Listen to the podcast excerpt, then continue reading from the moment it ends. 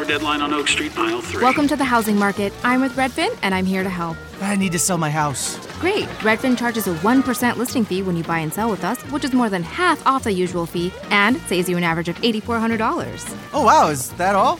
Uh, yep. I'm kidding. You had me at 1%. Want to win? Sell with Redfin. It's real estate done right. Bidding war at the offers counter in five minutes. Average savings is Redfin refund plus 1% listing fee. Subject to minimums. Not available in all areas. Learn more at redfin.com. Dzień dobry, witam serdecznie. Nazywam się Kuba Kurasz. em, Jestem szefem komunikacji w firmie PWC, a dziś specjalny odcinek e, podcastu Co słychać u profesora Witolda Orłowskiego. A w nim dowiemy się m.in. dlaczego Witek Orłowski nie zamierza, a może zamierza otworzyć konto na TikToku, dlaczego nie chce teraz komentować e, zmian podatkowych nazywanym, nazwanych Polskim Ładem i nad czym teraz pracuje. Drogi Witoldzie, powiedz, co prawda mógłbym cię spytać właśnie, e, co to jest Polski Ład i e, jak ty go oceniasz, ale pozwól, że tak bardzo szczegółowo będę cię pytać dopiero w momencie, kiedy parlament przyjmie te projekty ustaw, kiedy zostanie to ostatecznie zaakceptowalne. I mam e, o wiele ciekawszy temat. Mm, Zacznijmy od tego, Witku, a co to jest procent składany? A to chciałbym, żeby ktoś mi to wytłumaczył, bo ja sam nie wiem. Żartuję oczywiście. E, to jest jedno z takich fajnych pytań, które jak wiadomo, jak się zadaje dorosłym Polakom, to ogromna część z nich nie potrafi odpowiedzieć na to pytanie, albo przynajmniej nie, jest, nie, nie rozumie naprawdę istoty tego. Przecież mówimy o, o elementarzu, tak? No, jak człowiek ma podjąć decyzję o, o, nie wiem, wzięciu kredytu, jak y, nie wie, jak działa procent składany i się potem dziwi, że y, 3% czy 4% y, rocznie to przecież jest tak mało, a po, a po 10 latach się robi tak dużo. No więc, y, krótko mówiąc, y, y, to jest skomplikowane pytanie, jak się okazuje, ale i tak bardzo proste. E, Gorzej, że no właśnie, jakbyśmy zadali Pol- Polakom pytanie o Polski Ład, który chcesz mnie męczyć chcesz za jakiś czas nim, ale, ale jakbyśmy zadali pytanie, a jakie mogą być konsekwencje, no to no, dużo osób by powiedziało, że właściwie do końca nie wie, a, a są jeszcze poważniejsze rzeczy, jak y, pada pytanie na przykład o to, jakie są konsekwencje tego, że państwo się zadłuża, jakie mogą być konsekwencje tego. E, Albo jeszcze bardziej skomplikowane pytanie o to, a, a, co z systemem emerytalnym? Czy powinno wydłużać wiek y, pracy, czy nie? To się okazuje, że ogromna część dorosłych Polaków tak naprawdę nie rozumie tych problemów i nic dziwnego, bo problemy systemu emerytalnego wcale nie są tacie, tacie proste.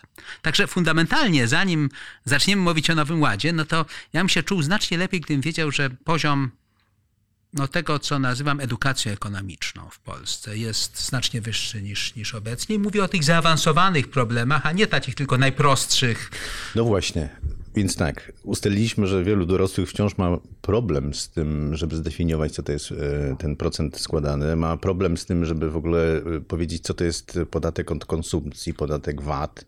E, Nie wie, jakie jest znaczenie ekonomiczne słowa barter. Często też. No, albo, albo, albo słucha polityków, który i kina, i kiwa głową, kiedy słyszy od polityków na przykład, że rząd daje im jakieś pieniądze. Podczas gdy Margaret Thatcher zawsze mówiła, rząd nie ma żadnych własnych pieniędzy, ma tylko pieniądze No tak. Więc, od ludzi. To, więc w jaki sposób wymagać od tych osób dorosłych, żeby mm, uczyli e, o ekonomii, o edukacji finansowej swoje dzieci?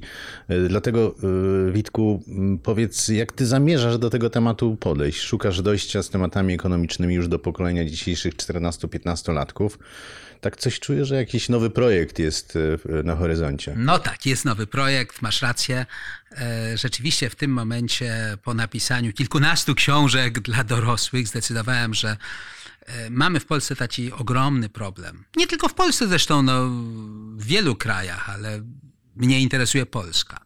Z edukacją ekonomiczną. Mam nadzieję, że nikt ze słuchających się nie obrazi, nie powie, no przecież ja wszystko to rozumiem, to nie są dla mnie. No, no może ten akurat słuchający rozumie, ale, ale, ale najwyraźniej ogromna część, a może i większość Polaków y, nie rozumie. No na przykład spraw systemu emerytalnego, jak to zorganizować, skąd się biorą pieniądze, skąd się mogą brać i tak dalej, i tak dalej. Y, I stwierdziłem coś takiego, że trzeba tak naprawdę z wiedzą o tym, jak działają pewne podstawowe mechanizmy gospodarki, ale to nie te najprostsze, podstawowe w sensie fundamentalne, to nie znaczy, że proste, należy tak naprawdę dotrzeć do Polaków znacznie wcześniej. Dotrzeć do Polaków wtedy, kiedy są nastolatkami, wtedy, kiedy są w szkole. Wiadomo, że e, młodzież boję używać słowa, bo nie lubią być nazywani młodzieżą. Oczywiście sam nie wiem do końca, jak to, jak to, jak to nazwać, ale kilkunastoletnie bystrzaci są ciekawe świata. Jak powiedziałem, bardzo często nie tylko, że od rodziców nie są w stanie dostać wyjaśnienia, bo sami rodzice często nie, nie, nie, tych skomplikowanych problemów nie, nie, nie są w stanie za dobrze e, zrozumieć i tym bardziej przedstawić, ale również w mediach, e, z tych, których korzystają oczywiście w internecie, nie znajdą tak naprawdę odpowiedzi. Dla, z paru powodów. Po pierwsze, to problemy są skomplikowane i odrzuca język. Oczywiście wielu ekonomistów jest w stanie wyjaśnić, nie wiem, dlaczego, dlaczego y, emigracja, dlaczego imigracja jest korzystna na przykład dla rozwoju gospodarczego, a nie, a nie odwrotnie, jakby się wydawało, jak to można usłyszeć, że o, kradną pracę nam i tak dalej. Natomiast y, ekonomiści to wytłumaczą językiem, który jest y, no, odrzucający. Ja nie mówię, że trudny czy łatwy, ale odpychający. No, człowiek usypia po, po pierwszych pięciu minutach. Witku, jak ja ciebie słucham, to nie usypiam, wręcz przeciwnie, ta wiedza ekonomiczna po prostu e, do mnie wchodzi i ona jest prosto przez ciebie przez tyle lat e, przekazywana, no ale umówmy się szczerze, jesteś boomersem, ja zresztą też jestem boomersem, to jak ty zamierzasz do, do tej grupy 14-15-latków dotrzeć z tą wiedzą ekonomiczną? Tak. E, to może od razu zdradzimy, że projekt, który w tej chwili realizuję, to jest projekt zrobienia, no, nie chcę powiedzieć napisania książki, bo tak naprawdę dotarcia z wiedzą do 14-15 latków, z takimi podstawowymi prawdami o, o gospodarce rynkowej. E, dość skomplikowane, dość dotykające skomplikowanych problemów, dlaczego, yy, dlaczego rynek pracy, jak działa rynek pracy elastyczny, jak nieelastyczny, dlaczego warto bądź nie warto mieć elastyczny rynek pracy, jak to jest ze zmianami klimatycznymi i tak dalej, i z, takimi, z taką wiedzą chcę dotrzeć. Oczywiście to wymaga odpowiednie napisania nie tylko odpowiedniej książki, odpowiednim językiem, takim, który nie znudzi, a który jednocześnie będzie pozwalać na przekazywanie treści poważnych, niebanalnych wcale. Bo ja mówię, nie, nie, nie, chodzi mi o to, żeby napisać banalną książeczkę o, nie wiem, piesku, który mówi, że, że, że, że jak się kredyt zaciąga, to trzeba, to trzeba się liczyć z odsetkami. Ja mówię naprawdę o poważnych problemach. No choćby tacie, a skąd problemy z kredytami frankowymi, które mają rodzice tych dzieci, nie, nie, nie dzieci zazwyczaj. E, więc trzeba to napisać, dotrzeć dobrym językiem i trzeba dotrzeć właściwymi metodami, to znaczy obecni nastolatkowie, i tutaj obaj się uderzmy w pierś, przecież my jesteśmy dla nich staruszkami. Na szczęście my się nie czujemy, oczywiście my się czujemy młodymi ludźmi, no ale... Nie, właśnie, czy jestem pokolenie X, czy boomers, to właśnie mieliśmy dyskusję na no ten chyba, temat, chyba, ale chyba, jesteśmy... chyba X, ja chyba boomers, ale, ale to jest nawet nieważne, bo ja w tej chwili pracując z młodymi ludźmi, ja zauważam coś jeszcze bardziej przerażającego. Mianowicie studenci, którzy kończą studia po pięciu latach i studenci, którzy zaczynają studia, oni już zaczynają mówić trochę innym, trochę innym językiem, mają inny sposób komunikowania się, korzystają z innych forów in, y, społecznościowych. I to już oznacza, że o, tak naprawdę różnica między pokoleniami to zaczyna już być po paru latach, a, a nie tak jak dawniej po 10 czy 20 latach różnicy. Więc y, oczywiście trzeba dotrzeć y, we właściwy sposób i tutaj sama książka, słowo pisane nie jest właściwym. E, to trzeba po pierwsze oczywiście zainteresować, ale to, to trzeba więcej. Trzeba dotrzeć takimi sposobami, jakie, jakie do młodych ludzi obecnie docierają, do młodych bystrzaków, jak to, jak to nazywam na potrzeby tej książki. E, po drugie, e, trzeba oczywiście poszukać kogoś, kto im pomoże. Ja tego całego, no nie chcę mówić książki, bo to nie chodzi tylko o książkę, to jest cały projekt. Książka jest jednym z elementów. Nazwijmy to multimedialny projekt. Ale mm, ja na przykład pisząc e, to, co piszę, akurat ja się zajmuję pisaniem w tej chwili, tej części pisanej, tworzeniem, e, mam już w tej chwili umówione e, klasy szkoły, końca szkoły podstawowej, z którymi chcę się spotykać e, z którymi chcę ten tekst przedyskutować, zapytać, czy to jest język, który do nich dociera, czy nie. E, Czy jeśli im używam jakichś przykładów, to czy to są przykłady takie, które do nich przemawiają, czy nie. Czyli krótko mówiąc, e, po raz, nie ukrywam, po raz pierwszy chyba jak piszę, znalazłem się w sytuacji człowieka, który się czuje troszkę analfabetą z punktu widzenia czytelnika, który ma, czy odbiorcy. Tak. To znaczy, ja nie wiem, pisząc, nie wiem wcale, czy to, co piszę, to jest właściwy język. Ja muszę to skonsultować.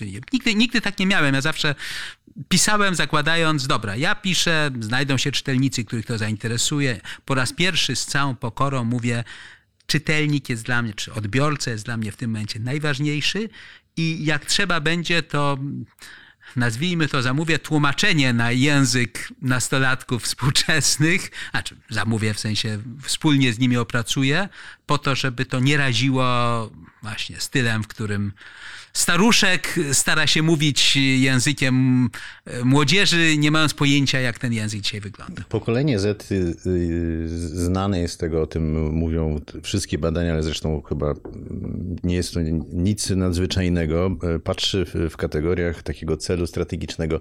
Po co mi to? Chcę pracować w firmie, która ma wpływ na rzeczywistość, chcę robić coś ważnego, ale po co takiemu 14-15-latkowi znajomość informacji o deficycie finansów publicznych, o parabankach, o jakiejś spirali zadłużenia czy inflacji? Jak ty chcesz im ten element celu przed, przedstawić? Z paru powodów. To znaczy, po pierwsze, powinni rozumieć, jak działają podstawowe mechanizmy gospodarcze. Dlatego, że, no dam, dam dobry przykład. No, dlaczego tak łatwo ludzie nabierają się na oszustwa finansowe, na różne parabańki, na piramidy finansowe? No między innymi dlatego, że brak jest takiego podstawowego zrozumienia faktu, że w finansach zawsze jest ryzyko. Im wyższe ryzyko, tym może być wyższy dochód, im, im bardziej bezpieczna inwestycja, tym dochód będzie niższy. W związku z tym człowiek mający tę taką podstawową wiedzę, zwróć uwagę, że tu, tu nie chodzi o jakoś zaawansowany, o żaden wzór na liczenie czy coś takiego. Tu chodzi o pewną podstawową informację, którą człowiek powinien mieć zakodowaną w głowie. I jeśli ma taką informację zakodowaną w głowie i usłyszy, że sąsiad mówi, że ach, tutaj jest taka świetna firma, bez żadnego ryzyka, yy, oprocentowanie dziesięciokrotnie wyższe niż, niż, niż banku, to, to to jest właśnie moment, w którym mózg człowieka, który ma to podstawowe pewne wiedzy o mechanizmach gospodarczych, powinien od razu powiedzieć, to, to, to coś trzeba sprawdzić, coś, pewnie, coś może być nie w porządku z tym. Z tym. I, I to jest oczywiście wiedza, która, którą potrzebują ludzie generalnie, a którą można przekazać, którą powinno się przekazać właśnie człowiekowi, który jest otwarty na świat, który chce go, który chce go zrozumieć. Tu jest więcej rzeczy. No pytanie właśnie. Ja wiem na przykład, że wśród młodych ludzi bardzo dużo, duże wrażenie, jak się czasem padnie określenie tak zwany dochód gwarantowany, czyli taci, że tam jest trochę pomysłów, takich eksperymenty są, że a może by państwo wypłacało dochód gwarantowany, czyli, czyli 2000 zł. Nie trzeba będzie, kto nie chce, to nie będzie Będą musiał pieniądze. pracować, będzie mógł się zajmować tym, co, co chce i tak dalej, i tak dalej.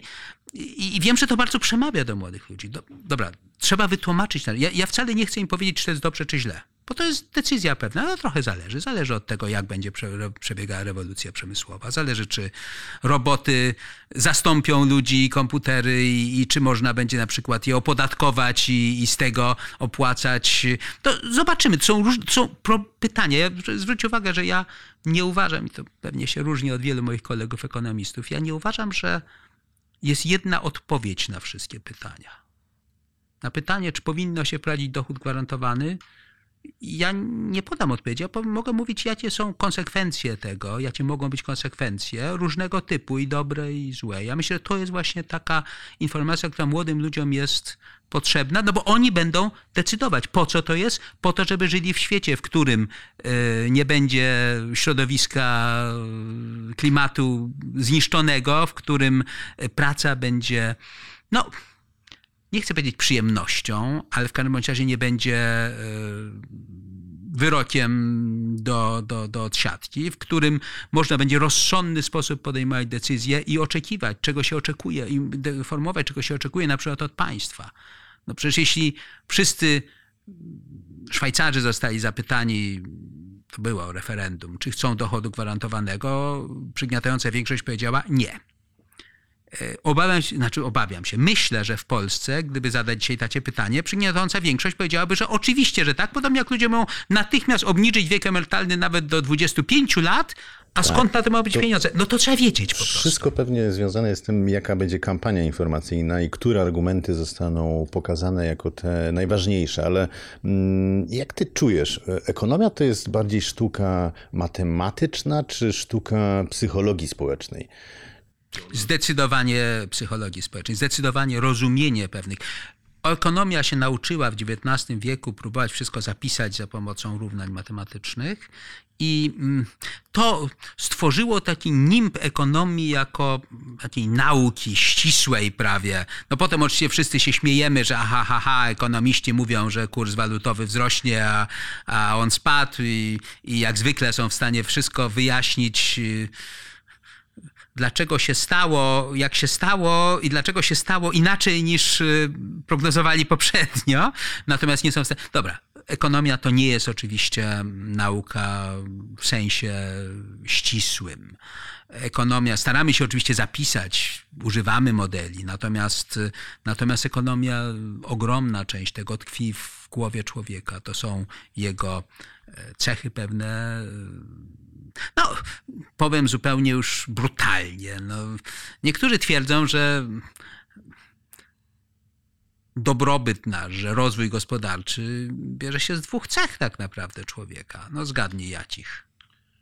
Mm, z wychowania. Brzydkich. brzydkich. Chciwości i lenistwa. Oj, bo tak. chcę mieć to, e, więcej, no tym się troszkę różnimy od, od małpy. Tak jest, grit is good, tak? Mhm a lenistwo, bo chcemy to osiągnąć minimalizując nakład, to znaczy osiągnąć jak najwięcej. I ja nie chcę powiedzieć, że grit jest good, jak mówił, jak mówił Gordon Gecko. E, Gordon Gecko, tak jest. Ale, ale obiektywnie rzecz biorąc, no, no, no oczywiście, że chcemy żyć lepiej, i chcemy to robić w rozsądny sposób, to znaczy chcemy, chcemy minimalnym, jak najmniejszym wysiłkiem jak najwięcej osiągnąć i to jest oczywiście bardzo dobra motywacja. Natomiast oczywiście nie można zapominać o innych rzeczach, o, o altruizmie, o tym, że jak coś robimy, te dwie cechy nas pchają w jakąś stronę, to nie zapominajmy o tym, że są inni też i że należałoby szukać sposobu osiągnięcia tych dwóch rzeczy w taki sposób, aby inni nie byli na tym poszkodowani. I tak dalej, i tak dalej. Adam Smith dawno powiedział, rynek sam to załatwi. Dzisiaj wiemy, że tak do końca nie jest. I dlatego, jeszcze raz powtarzam, zrozumienie tych tkwiących w głowie mechanizmów, a potem zrozumienie tego, w jaki sposób te działania różnych ludzi, które no każdy z nas działa jako jednostka, łączą się i w jaki sposób właśnie można to robić tak, żeby osiągając samemu korzyść, nie zaszkodzić innym, to po pierwsze, a po drugie, zwiększyć jeszcze bardziej swoje korzyści z gospodarki przez współpracę z innymi, a nie, a nie tylko y, konkurowanie. No, no, no, cała sztuka polega na tym, krótko mówiąc, że gospodarka to jest tworzenie wartości i jeśli myślimy kategoriami takimi, że no jest wartość, im więcej ja porwę dla siebie, to tym mniej dla innych zostanie i bardzo dobrze, e, to, to, to, jest to błędne myślenie, bo dzisiaj wiemy, że jest inaczej, że ze współpracy można po prostu znacznie więcej tej wartości wykreować i może być więcej i dla mnie i dla innych. No tak, z tą współpracą od wielu, wielu lat e, mamy nie lada problemy. Te nasze badania, które robimy na grupie e, prezesów, menadżerów w Polsce pokazują, że kwestia zaufania w biznesie wciąż jest deficytowa, ale E, kończąc naszą dzisiejszą rozmowę, zadam Ci pytanie. Mam wrażenie, że masz dosyć ambitny cel przed sobą postawiony, czyli dotarcie do tej grupy osób, które żywią się informacją z social mediów, którzy e, już nie wchodzą na Facebooka, tylko wchodzą właśnie na TikToka. Którzy nie wierzą politykom, nie wierzą, nie wierzą ekspertom. Którzy patrzą na stories tak na Instagramie. Wierzą influencerom. Wierzą influencerom, czerpią wiedzę z, z, ze zdjęć, zdjęć, z podpisów pod zdjęć, z krótkich form Filmików. wideo, więc e, no, akurat mam wrażenie, że chyba ty też tam powinieneś być. Czy zamierzasz otworzyć swój kanał na TikToku? No zobaczymy. To znaczy ja, ja nie, nie chcę być fałszywy w tym, co robię. I ja oczywiście korzystam z internetu bardzo intensywnie, ale nie chcę udawać, że, że Instagram jest moim, czy TikTok jest moim wymarzonym e, miejscem i że nie chcę udawać influencera. Natomiast wiem jedno, że jeśli chcę dotrzeć z przekazem tego projektu, nazwijmy to, do, do, do, do odbiorców, to trzeba wykorzystać te sposoby komunikacji, które są im bliskie. Powiedziałem już, niekoniecznie ja to zrobię. Być może, i to jest dopiero rzecz, nad którą pracuję, być może y, będę całą grupę tworzyć, która będzie. Może sam nie będę zakładać konta, ale inni założą i będą to robili. I, I to jest e, puenta naszej rozmowy, bo my jako firma doradcza PWC, jako pierwsi na rynku założyliśmy swoje konto na TikToku, więc z jednej strony dajemy ci możliwość, No jak już napiszesz tą książkę, żebyś nagrał kilka e, krótkich filmów, które będą mówiły o, o, o wadze edukacji finansowej. Jesteśmy też e, aktywni na innych e, e, social media, na LinkedInie, na Facebooku czy Instagramie. Także Witku, zapraszam Cię do tworzenia stories na nasze profile PWC Polska i jeszcze raz bardzo Ci dziękuję. I jeśli można, Kuba, to jeszcze przerwę ci dodam tylko tyle.